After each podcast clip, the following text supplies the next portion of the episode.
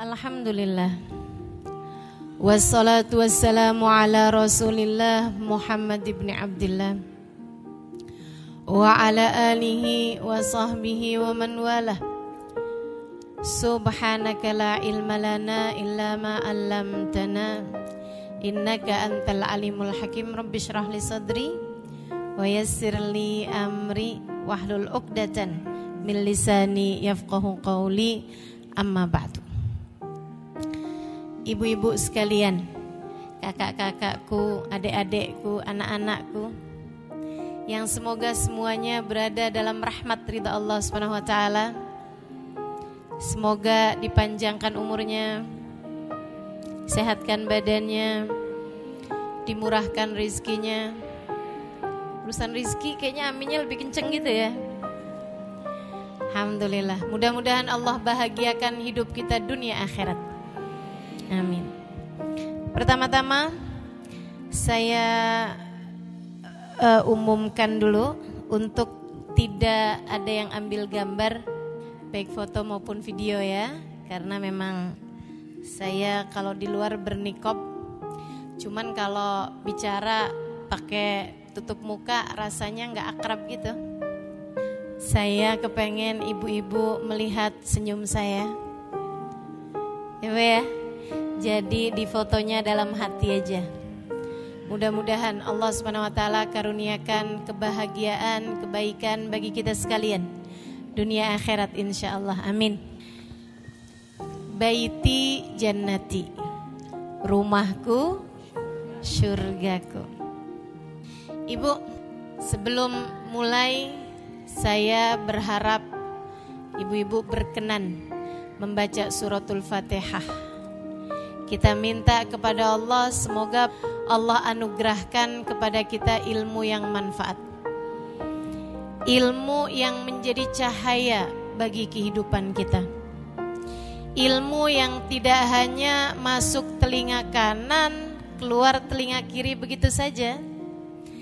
Akan tetapi ilmu yang kita simak dengan kedua telinga kita, kita masukkan dalam pikiran kita, kita letakkan dalam hati kita menjadi cahaya yang menerangi kehidupan kita. Ilmu yang memandu kita dalam kehidupan sehingga mudah-mudahan sepulang dari sini semua keluarganya menjadi keluarga yang penuh keberkahan. Sepulang dari sini rumah tangganya menjadi baiti jannati Sepulang dari sini mudah-mudahan rumah tangga yang sudah dibina selama ini, keluarga-keluarga kita menjadi keluarga tempat surga bermula dari sana. Hidup bahagia di dunia hingga kelak berakhir dengan surga. Amin ya rabbal Al-Fatihah biniyatin nafa' wal intifa' wal tadhkir ibtigha mardatih wa qurbih wa thawabih wa husnil khatimah ma'lud fil afiyah wa salahil akibah wa ila hadratin nabi al-fatihah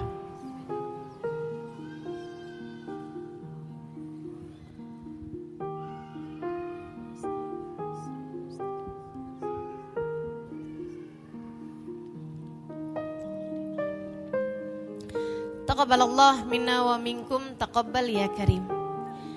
Saudariku sekalian yang saya muliakan, saya pernah berkunjung di Museum Nabi. Pernah ada tuh beberapa tahun yang lalu di dekat Masjid Nabawi, dekat Bakia.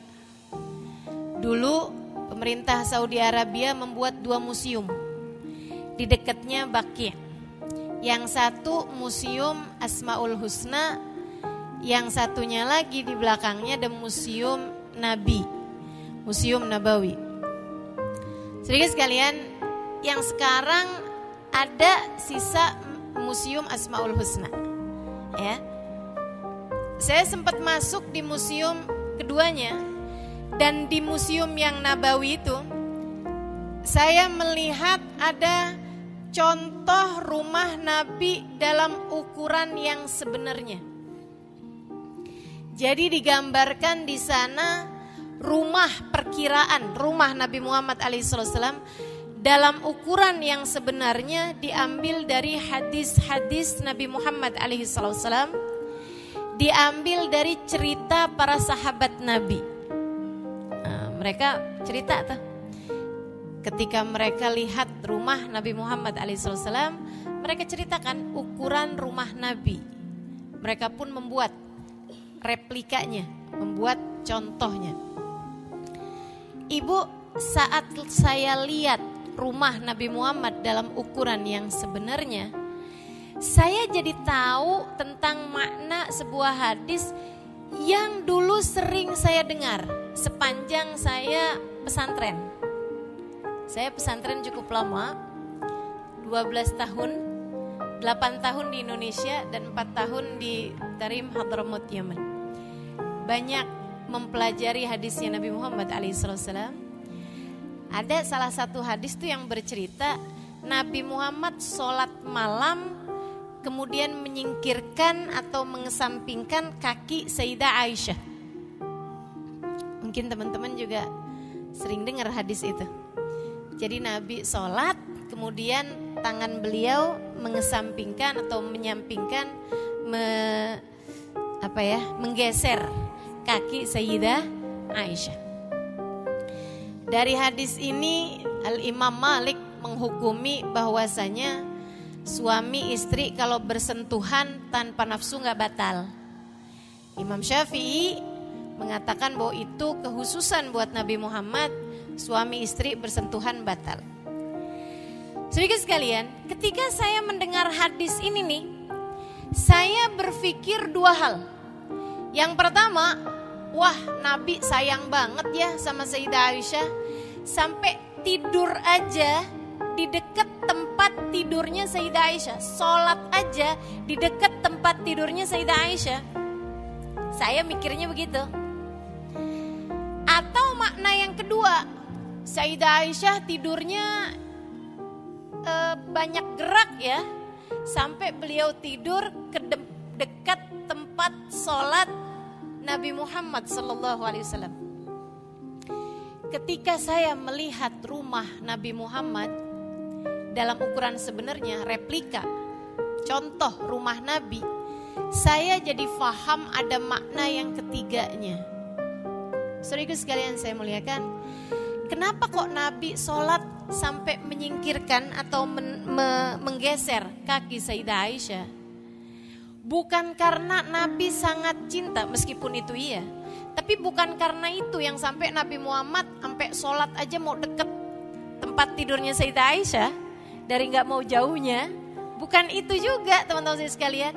Atau Sayyidah Aisyah yang tidurnya sampai kakinya ke tempat sholatnya Nabi. Bukan itu juga ternyata ada makna yang ketiga. Apa itu? Begitu kecilnya kamar Nabi Muhammad sampai di tempat itu Nabi Muhammad sholat di tempat itu pula Sayyidah Aisyah tidur.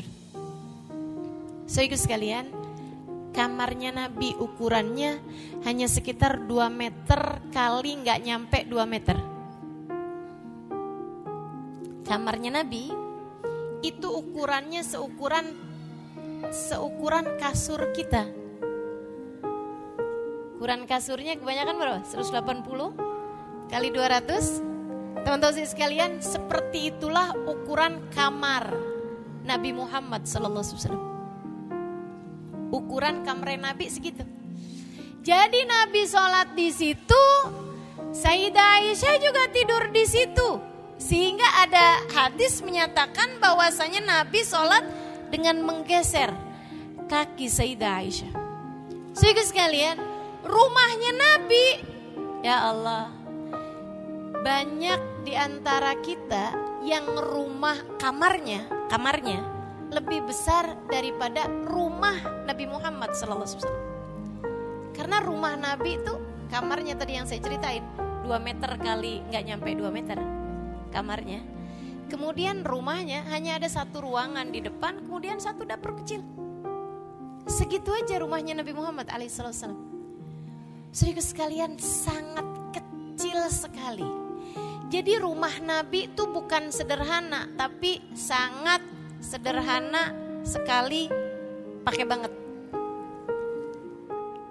Sangat amat sederhana sekali. Teman-teman sekalian, kecil pakai banget rumahnya Nabi Muhammad.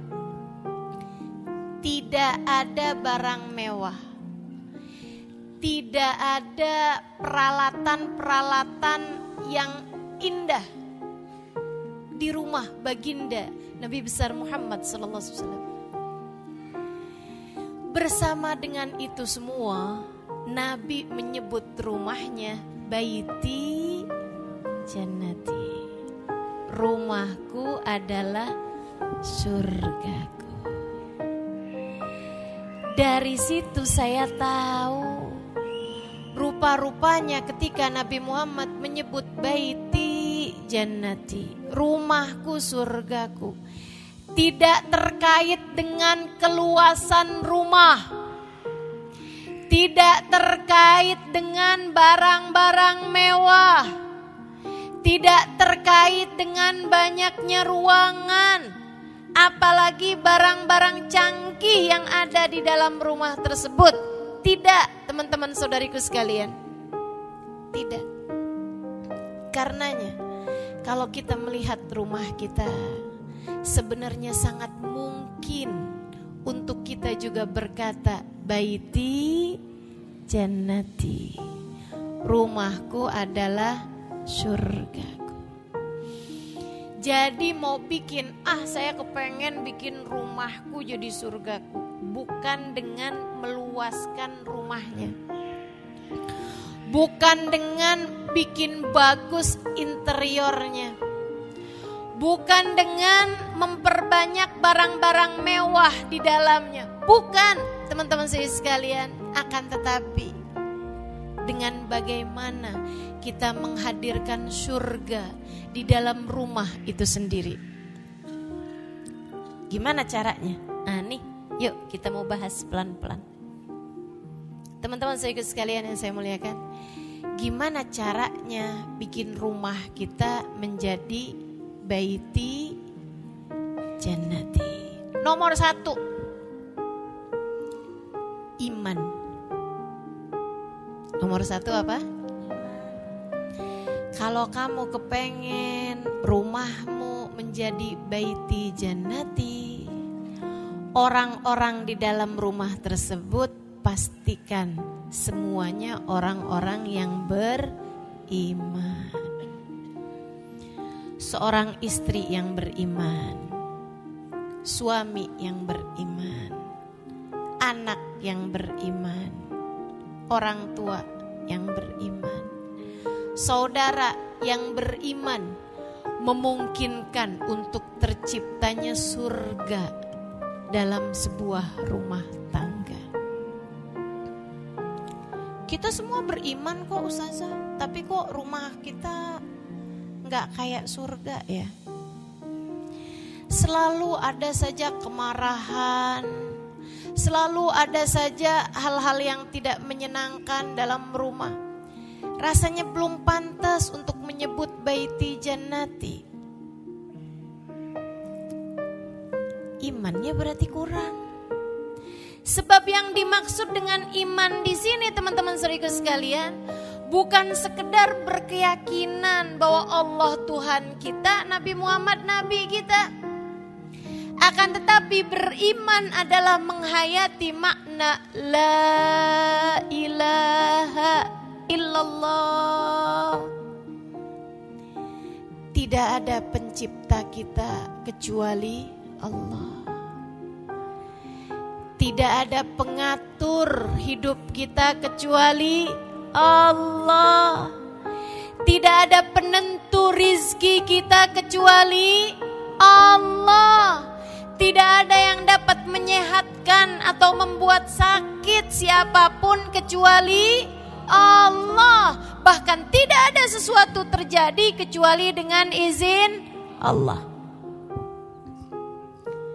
Seorang istri yang beriman adalah seorang istri yang faham bahwa suaminya bukanlah orang yang menghadirkan rizki, bukanlah pemberi rizki, Suaminya hanyalah seseorang yang mendapatkan tugas dari Allah untuk menjemput rizki, bukan mencari rizki.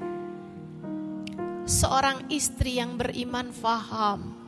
Seberapapun yang suaminya bawa, itu adalah rizki yang Allah karuniakan. Allah karuniakan, bukan suaminya beri. Sehingga istri yang beriman tidak pernah ada istilah ada uang abang sayang. Nggak ada uang, silahkan tidur di luar. Nggak ada uang abang ditendang, nggak ada ceritanya. Istri yang beriman faham, pemberi rizki cuma satu, namanya Allah. Huwa razak, dhul quwwatil matin. Kata Allah, Allah lah sang pembeli rizki. Dialah pemilik kekuatan sempurna. Istri yang beriman akan selalu faham bahwasanya bukan suaminya yang menentukan rizki. Penentu rizki hanya Allah subhanahu wa ta'ala. Ada seorang perempuan solehah suaminya berangkat pergi haji nggak ninggalin nafkah bagi dia. Teman-temannya pada nengokin. Dan ada beberapa orang yang sama orang lain tuh suka nyinyir. Kayak netizen. Suka julid. Dia nengokin temennya nih dan dia tahu bahwa suami temennya pergi berangkat haji tapi nggak ninggalin nafkah bagi keluarganya. Dia nyinyir sama temennya.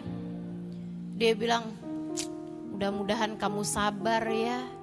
Bahasanya nih, kayak ngasih nasihat. Padahal manas-manasin. Dia bilang yang sabar ya, Katanya suami kamu pergi haji nggak ninggalin nafkah. Nggak mikir laki-laki zaman sekarang emang kayak begitu. Nggak mikirin istrinya.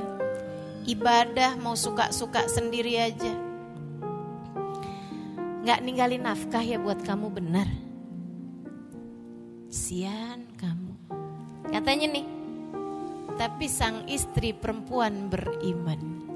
Dia bilang, Iya, suami saya pergi nggak ninggalin uang, tapi dah nggak apa-apa.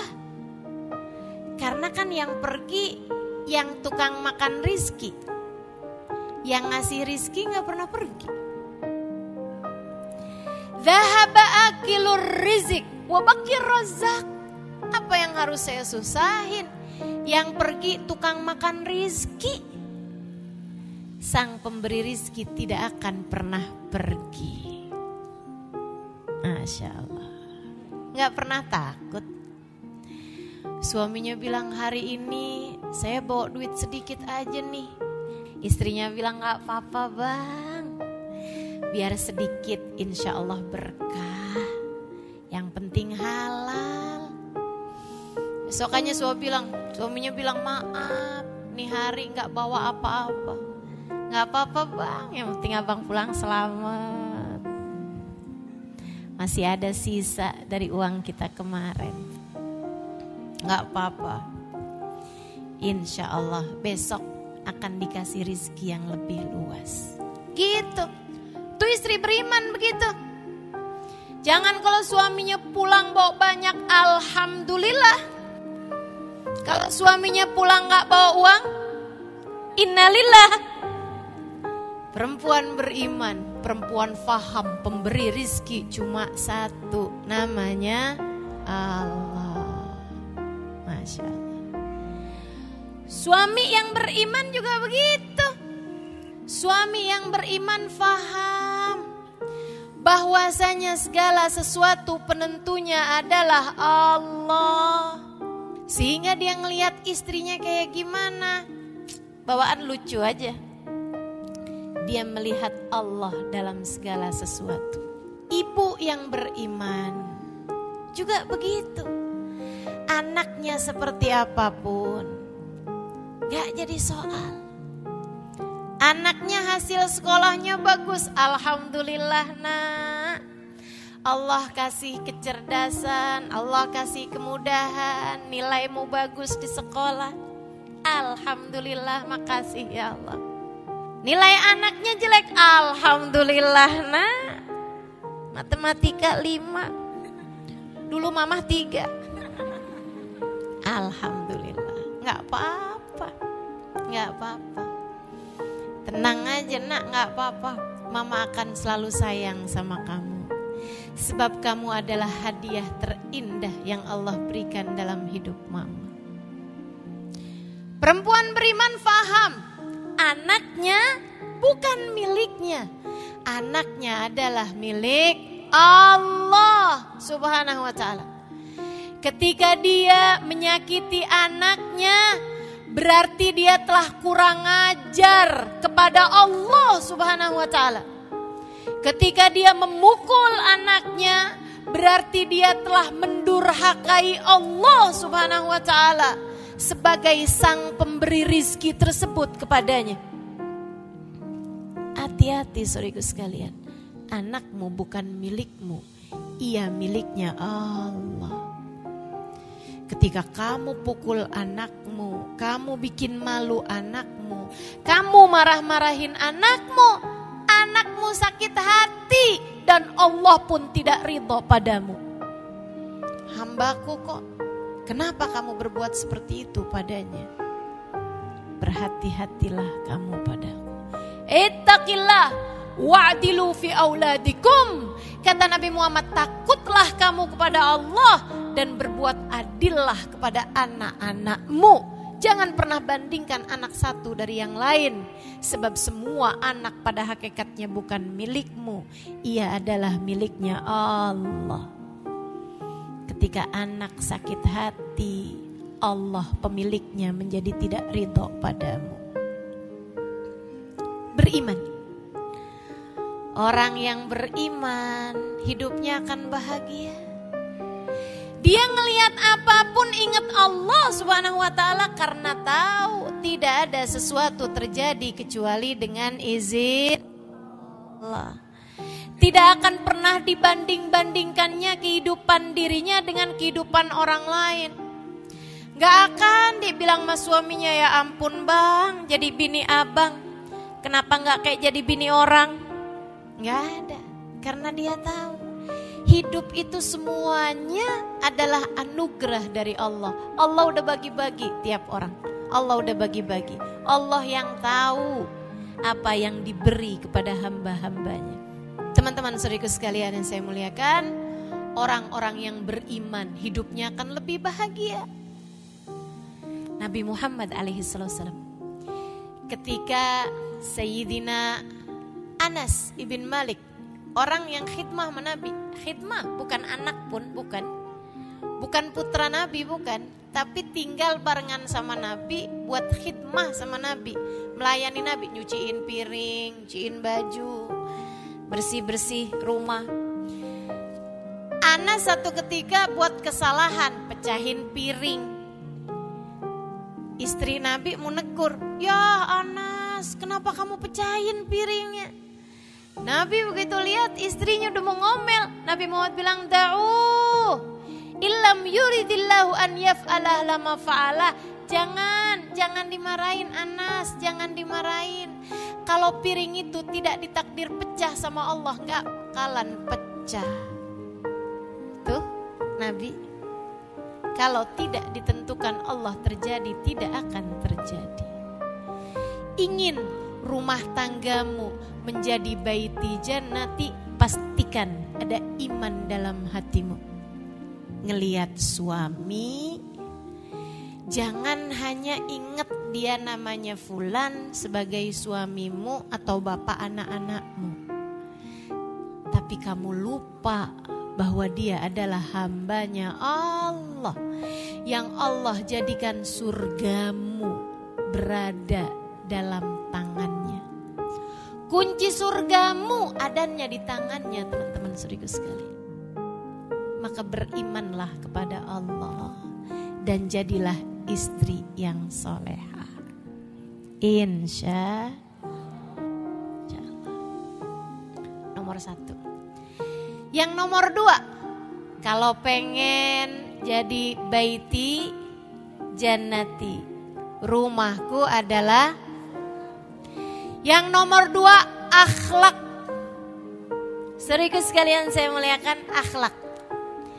Bangunlah akhlakmu, kepribadian yang baik di dalam rumahmu. Jangan kalau sama orang yang jauh-jauh kamu bisa buat baik, tapi di dalam rumahmu sendiri kamu kehilangan akhlak yang mulia. Kalau ketemu sama orang senyum, pergi kondangan senyum, ketemu sama orang senyum, tapi di dalam rumah suaminya udah lupa muka istrinya kalau lagi senyum nggak tahu istri saya kalau senyum kayak gimana udah lupa. Terakhir senyum zaman tahun, masya Allah, masya Allah.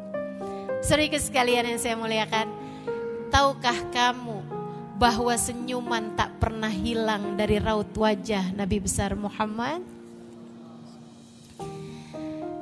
Ma ra'aina ahadan akthar wa abha ibtisaman min Rasulillah sallallahu alaihi wasallam.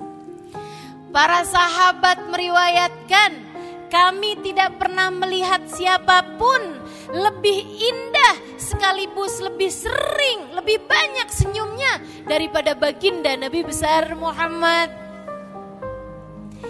Jangan hanya ketika kamu bahagia kamu tersenyum.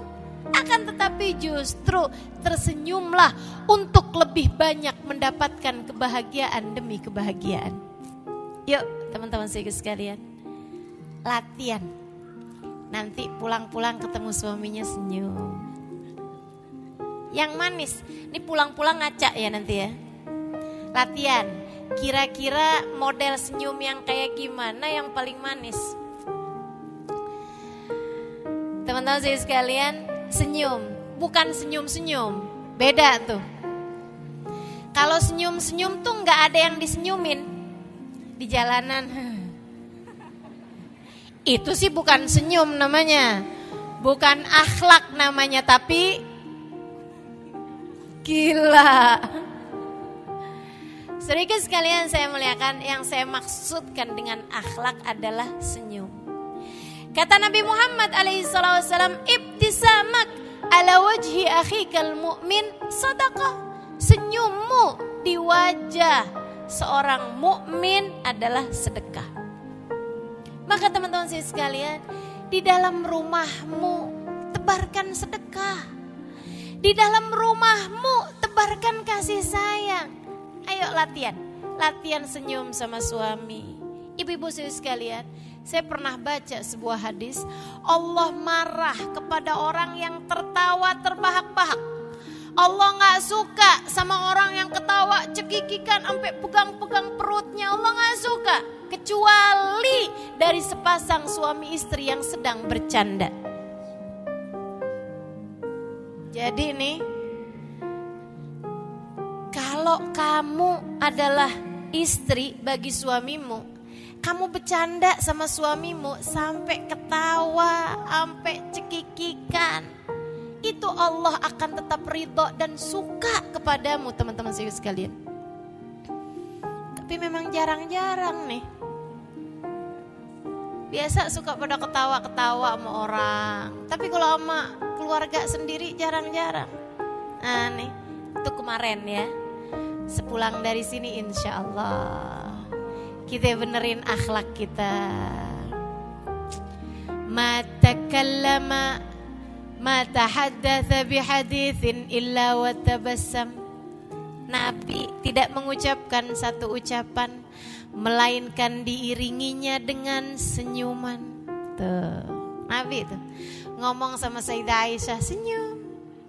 Ngomong sama putrinya senyum. Ngomong sama sahabatnya senyum. Sambil ngomong senyum seneng ulela cakep senyum mulu. Kadang-kadang kita nih udahlah gak seberapa cakep. Senyumnya mahal lagi ya Allah, ya Allah. Kesian suaminya. Sian. Suaminya sampai nggak pernah nonton film horor. Dia bilang ada yang lebih nyeremin dari semua hantu. Siapa pak? Istri saya. Masya Allah, Masya Allah. Anak-anak juga gitu. Sampai malu sama temen-temennya. Temen-temennya pada nanya, itu ibu kamu. Gitu deh. Malu, kenapa? Akhlaknya nggak bener. Teman-teman sih sekalian, yuk belajar berakhlak. Muliain yang tua, sayangi yang muda. Kan begitu? Belajar untuk tidak berbicara kecuali dengan bahasa yang manis. Teman-teman sih sekalian, saya punya cerita. Ada saya punya guru Al-Mukarramah wal Muhtaramah wa Nur satu waktu bercerita. Ketika ada beberapa orang perempuan ngadu sama beliau tentang suaminya. Baba Nur bilang, udahlah rumah tangga itu memang pasti diuji. Kata beliau nih, akan tetapi seperti apa pun suamimu, jangan pernah kehilangan akhlakmu kepadanya. Sebab akhlak itu penentu. Bagaimana rumah tanggamu, surgakah ataukah naudzubillah nerakakah? Baiti jannati atau baiti nari ditentukan dengan satu iman, yang kedua akhlak teman-teman saudaraku sekalian. Ini akhlak perkara penting. Beliau kemudian cerita, dia bilang di kampung kami dulu, beliau aslinya dari satu kota, kemudian pindah ke kota yang lain sesudah menikah dengan guru kami Al Habib Nur bin Hafid. Beliau cerita tentang orang di kampungnya, kampung beliau kecil, dia bilang ada satu keluarga yang mana keluarga tersebut itu punya keluarga besar.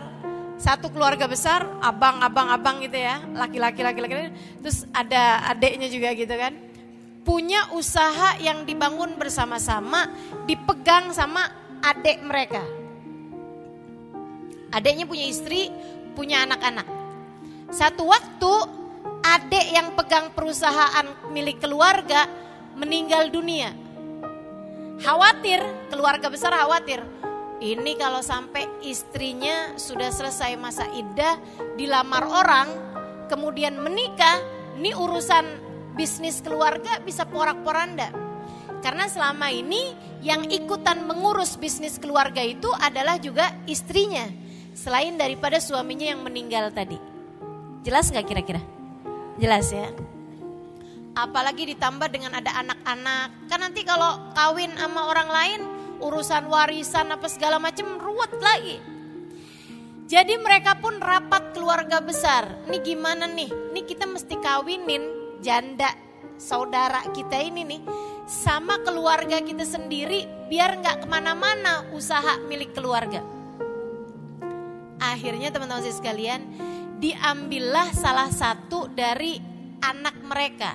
Jadi keponakan, tapi anak dari salah satu abang yang paling tua.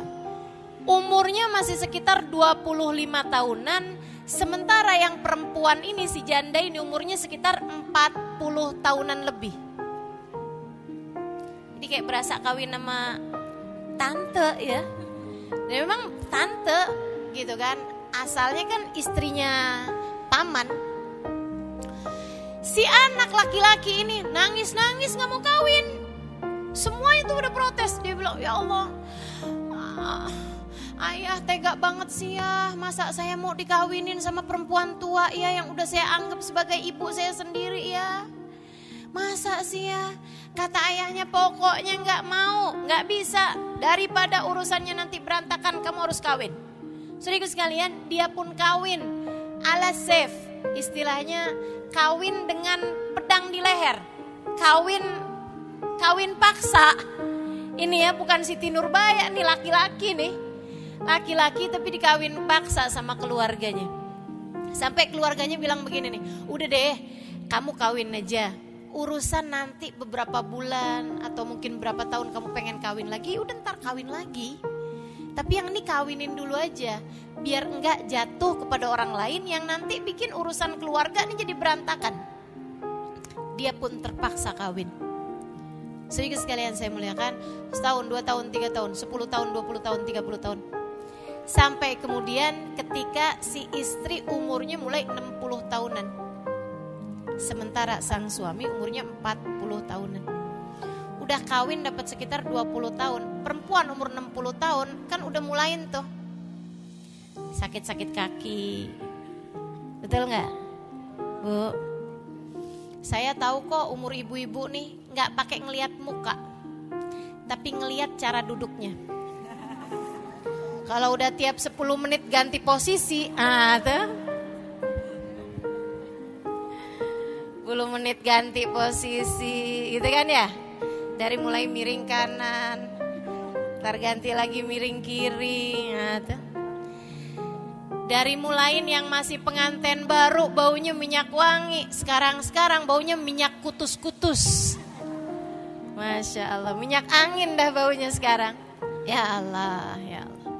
Ibu-ibu saudara sekalian si istri ini umur 60 tahunan mulai sering sakit-sakitan Suaminya 40 tahun kan lagi gagah-gagahnya ya.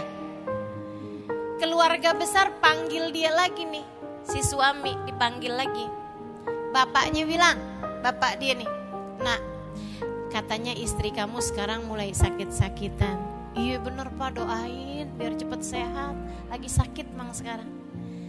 Saya panggil kamu nak barangkali kalau kamu ada kepengen mau nikah lagi tinggal sebutin aja anak siapa yang kamu mau.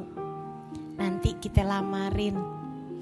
Kalau kamu nggak enak mau ngomong sama istri kamu biar nanti deh yang perempuan-perempuan ngomongin sama dia. Saya rasa dia adalah seorang perempuan bijak yang akan merelakanmu menikah dengan perempuan lain. Apalagi dia paham keadaan dia sekarang sudah sering sakit-sakitan. Apa jawab suaminya? Tidak ayah, saya tidak akan pernah sanggup menduakan dia. Ini nih yang jomblo-jomblo yang ah. Sisain satu buat saya katanya gitu. Dek, jarang yang begitu. Saya bilangin aja jarang. Ibu-ibu saya sekalian saya muliakan. Jadi nih Suami bilang, ayah maafkan saya, saya tidak akan sanggup menduakan dia. Ayahnya nanya, kenapa gitu nak? Kan kamu dulu kawin juga dengan terpaksa. Sekarang istri kamu memang sudah sakit-sakitan, kita ngerti kok, gak apa-apa, gak apa-apa. Siapa aja yang kamu mau? Enggak ya, saya nggak akan bisa menduakan dia. Kenapa gitu? Saya juga memang gak akan pernah bisa mendapati perempuan seperti dia. Kenapa? Dia bilang, ayah, saya sampai sekarang gak pernah tahu muka cemberut istri saya kayak gimana. 20 tahun nikah. Istrinya kalau lihat suaminya senyum gak pernah hilang. Ya Allah, ini tamparan buat para istri. Ayo nih. Dia bilang saya menikah 20 tahun sama dia saya nggak tahu muka dia kalau lagi cemberut, kalau lagi kesel, marah, kayak gimana masih saya nggak pernah tahu. Dari sejak awal kawin sama dia ya, tidak sekalipun telinga saya mendengar dia berkata tidak kepada saya. Tiap kali dia akan bilang sama saya, kalau saya panggil, dia akan bilang lebek Habibi dengan senyumannya. Apa aja yang saya mau, dia akan kerjakan dengan penuh sukacita. Dia bilang, suaminya ini bilang, dia telah memperlakukan saya bak raja. Saya akan belajar untuk menjadikan dia sebagai ratu bagi kehidupan saya. Akhlak saudariku sekalian akhlak. Yuk belajar. Pengen baiti jannati bukan dengan ganti sofa. Pengen rumahku surgaku. Bukan dengan nambahin PK-nya AC. Bukan, saudariku sekalian. Di rumah berasa panas nih.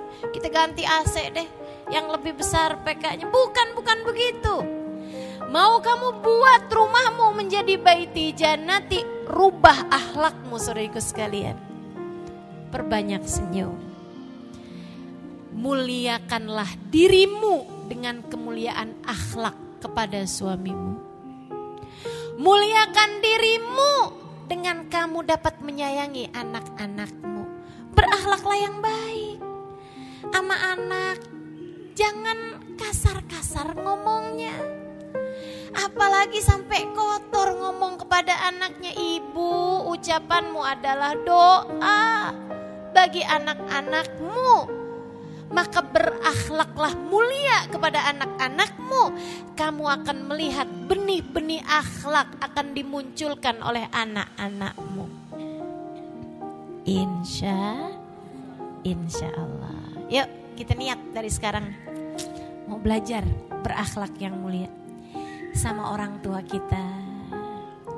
Jangan, jangan pernah sakiti hatinya.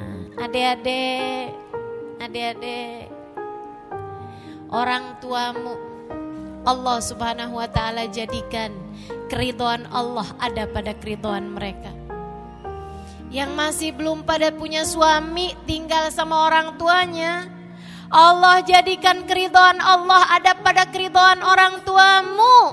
Sampai Nabi Muhammad bilang memandang wajah ibu dengan pandangan penuh cinta lebih Allah sukai di saat kamu memandang Ka'bah. Kamu pandang ibumu dengan pandangan penuh cinta. Itu lebih Allah sukai daripada saat kamu memandang Ka'bah. Padahal, Dek, Dek, nah padahal memandang Ka'bah sekali seperti ibadah satu tahun. Nazarah ilal Ka'bah ke ibadah sana. Mandang Ka'bah sekali kayak ibadah setahun. Siam naharoha wa qiyam lailiha. Kata Nabi Muhammad, siangnya kamu pakai buat puasa, malamnya kamu pakai buat tahajud setahun. Mandang Ka'bah sekali setara dengan itu kita nggak usah jauh-jauh ke Ka'bah. Adik-adik masih tinggal dengan orang tuanya, ada yang lebih utama bagimu bahkan melebihi Ka'bah. Memandang wajah orang tuamu. Pandang wajah ibumu. Dengan pandangan penuh cinta. Sampai ada seorang kiai itu, pas waktu dia ngeliat Ka'bah matanya merem melek, merem melek. Santrinya nanya sebelah, Kiai kelilipan? Enggak. Kenapa gitu Kiai? Biar dihitung banyak kan. Nabi bilang mandang wajah, mandang Ka'bah sekali kayak ibadah setahun nak. Saya ngeliatin Ka'bah meremlek, meremlek setahun, dua tahun, tiga tahun, empat tahun gitu. Biar dihitung banyak. Masya Allah. Ini kita nih mandang wajah orang tua kita dengan pandangan penuh cinta lebih utama daripada kita melihat Ka'bah. Asal jangan meremlek kayak gitu aja. Kita pandangin wajah ibu kita dengan pandangan penuh cinta sambil pijit-pijitin kakinya. Sambil pegang-pegangin tangannya. Ibu nanya kenapa nak? Seneng punya mama. Sehat-sehat ya ma. Doain terus saya ya ma. Yang ridho ya ma, yang seneng ya ma Jangan susah-susah, jangan sedih-sedih. Mama adalah jimat terbesar yang Allah berikan dalam hidup saya. Gitu deh.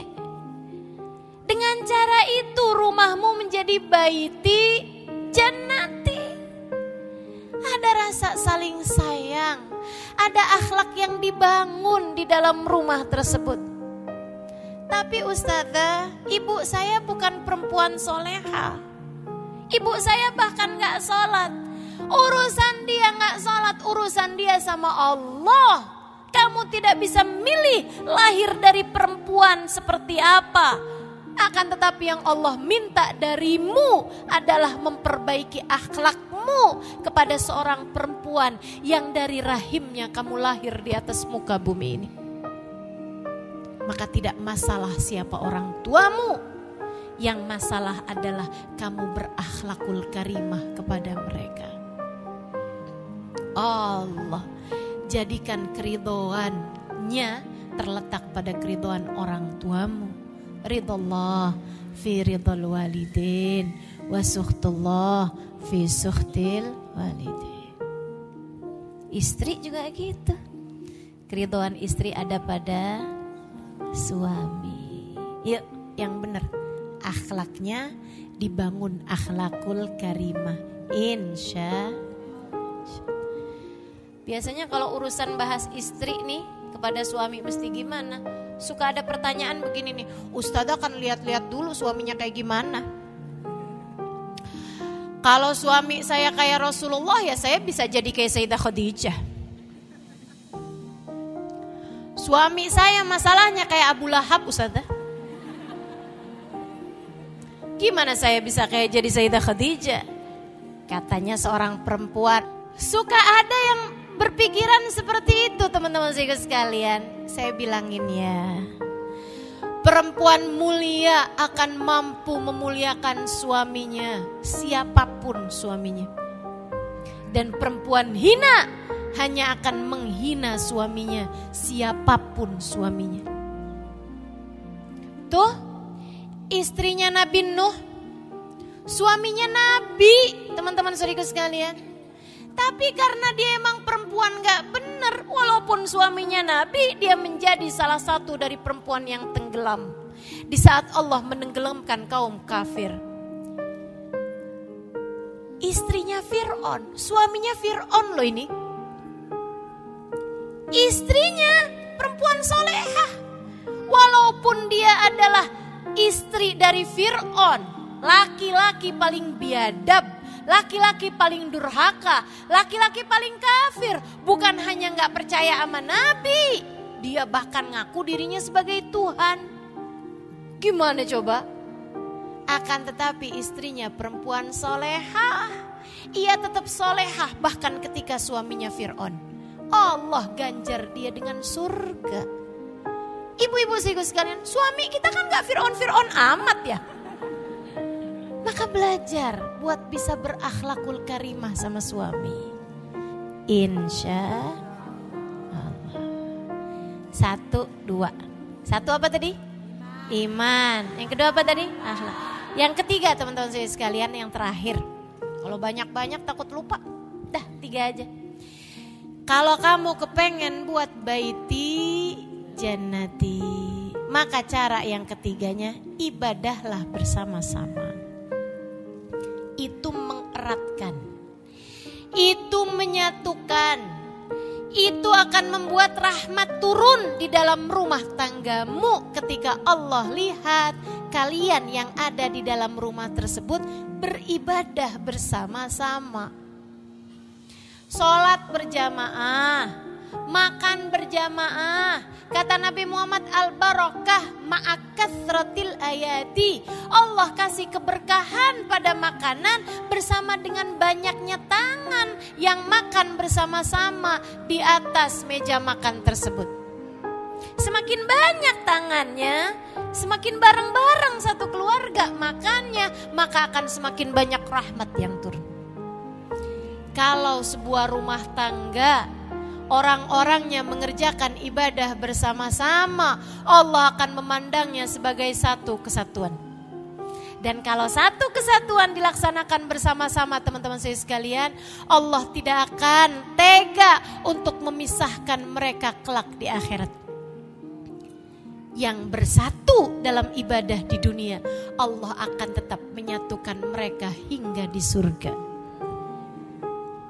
maka rumah tangga yang mengerjakan ibadah bersama-sama, saudariku sekalian, akan memungkinkan mereka untuk mendapatkan catatan amalnya dengan tangan kanan. Wayang kalibu ila ahlihi masruro dan akan dikumpulkan bersama dengan keluarganya kembali dalam keadaan penuh sukacita. Begitu Allah bercerita dalam Al-Quran. Fa'amma man utiya kitabahu biyaminihi yuhasabu hisaban yasira wa yanqalibu ila ahlihi masrura. Adapun orang-orang yang menerima catatannya dengan tangan kanan karena penuh dengan ibadah, karena penuh dengan akhlak, karena penuh dengan iman, catatan kehidupannya akan diberi dengan tangan kanannya. Dia akan dihisap dengan hisaban yang mudah, kemudian dikembalikan, disatukan bersama dengan keluarganya, masruro dalam keadaan penuh sukacita. Surgamu di akhirat dimulai dari surgamu di dunia jika kamu di dunia selalu mengerjakan ibadah bersama-sama dengan orang dalam rumahmu, insya Allah nanti di hari akhirat Allah akan kumpulkan kalian bersama-sama di dalam surganya. Ibadah bareng-bareng. Jangan lupa juga, ini diajarin guru saya dari hadisnya Nabi Muhammad SAW. Kalau kamu berasa rumahmu panas, bukan panas karena kurang kipas angin bukan tapi panas karena rasa hatinya kayak bawaan suami keras pengen marah-marah anak-anak juga suka gitu suka kenceng-kencengan suara Duh rumah kayaknya gak enak banget nih Serius sekalian saya muliakan Mulailah dengan beribadah bersama-sama Salah satunya Pastikan jangan ada orang masuk ke dalam rumah Kecuali ucap salam ucap salam juga sama Nabi, kemudian baca ayat kursi. Diajarin sama Nabi Muhammad. Ya, bagi siapa yang ngerasa kok kayaknya gimana gitu ya? Saya kepengen nih padahal ngamalin akhlakul karimah keimanan ibadah bersama-sama. Tapi suami saya keras banget saya nggak bisa bilanginnya. Cobain. Sedikit sekalian bilangin. Saya barusan dapat ilmu dari ada seorang ustadzah bilang sama suaminya dia bilang katanya kalau kita masuk dalam rumah suruh baca ayat kursi.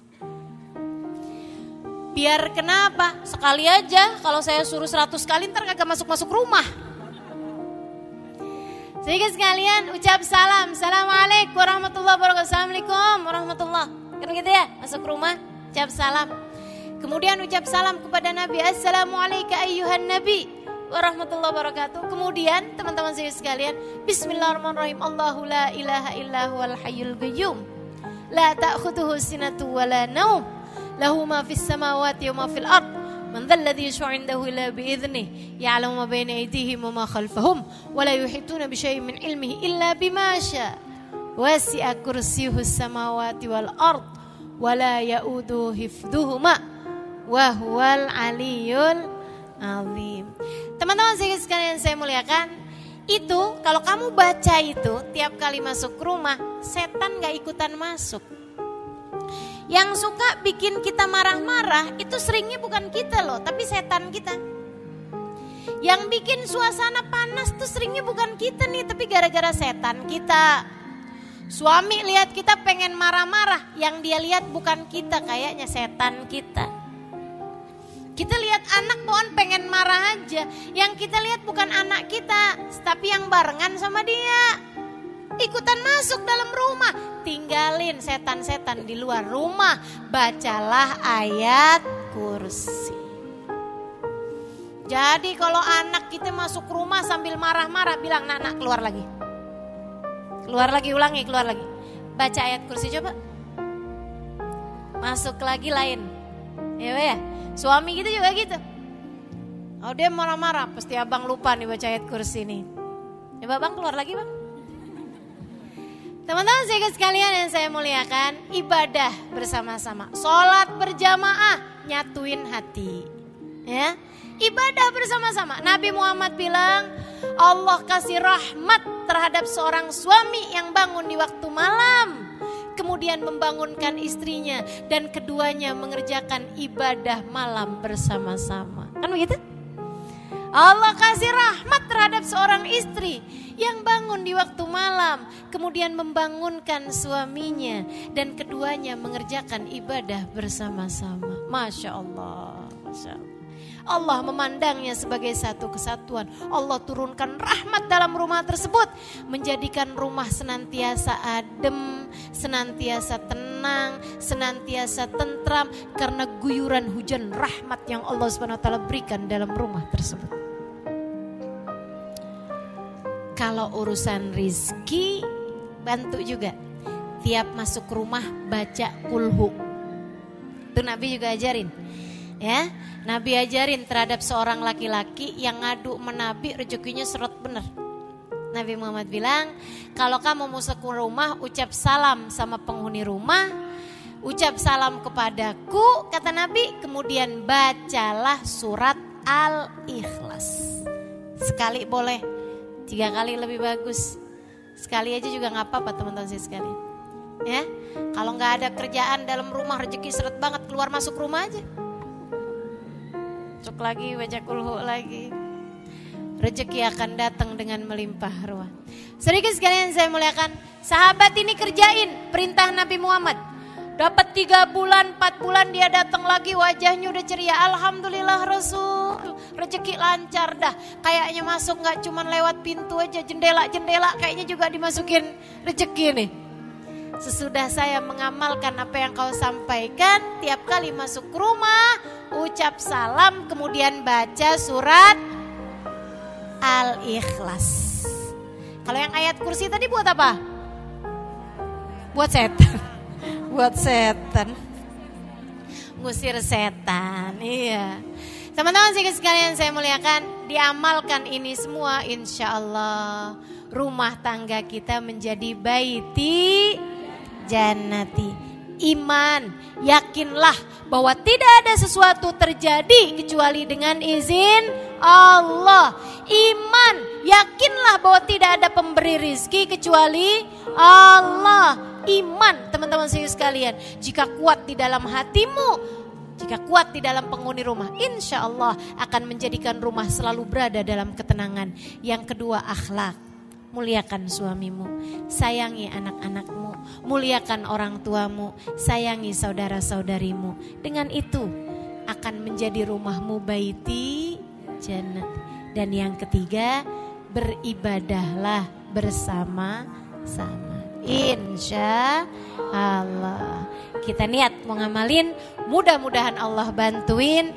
Ya man waffaqa ahlil khair lil khair wa antahum alaih wafikna lil khair wa inna alaih ya Allah. Engkaulah yang telah memberi kemudahan hamba-hambamu untuk mengerjakan ketaatan sesudah mereka mendengarkan kebaikan-kebaikan. Ya Allah, mudahkan kami sesudah mendengarkan kebaikan ini untuk dapat mengamalkannya dalam kehidupan kami.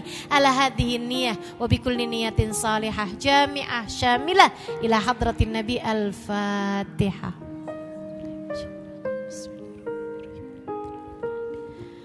Ar-Rahmanir-Rahim Maliki Yawmiddin إياك نعبد وإياك نستعين اهدنا الصراط المستقيم صراط الذين أنعمت عليهم غير المغضوب عليهم ولا الضالين آمين تقبل الله منا ومنكم تقبل ya Karim terima kasih mudah-mudahan bermanfaat kurang lebihnya mohon maaf wal af minkum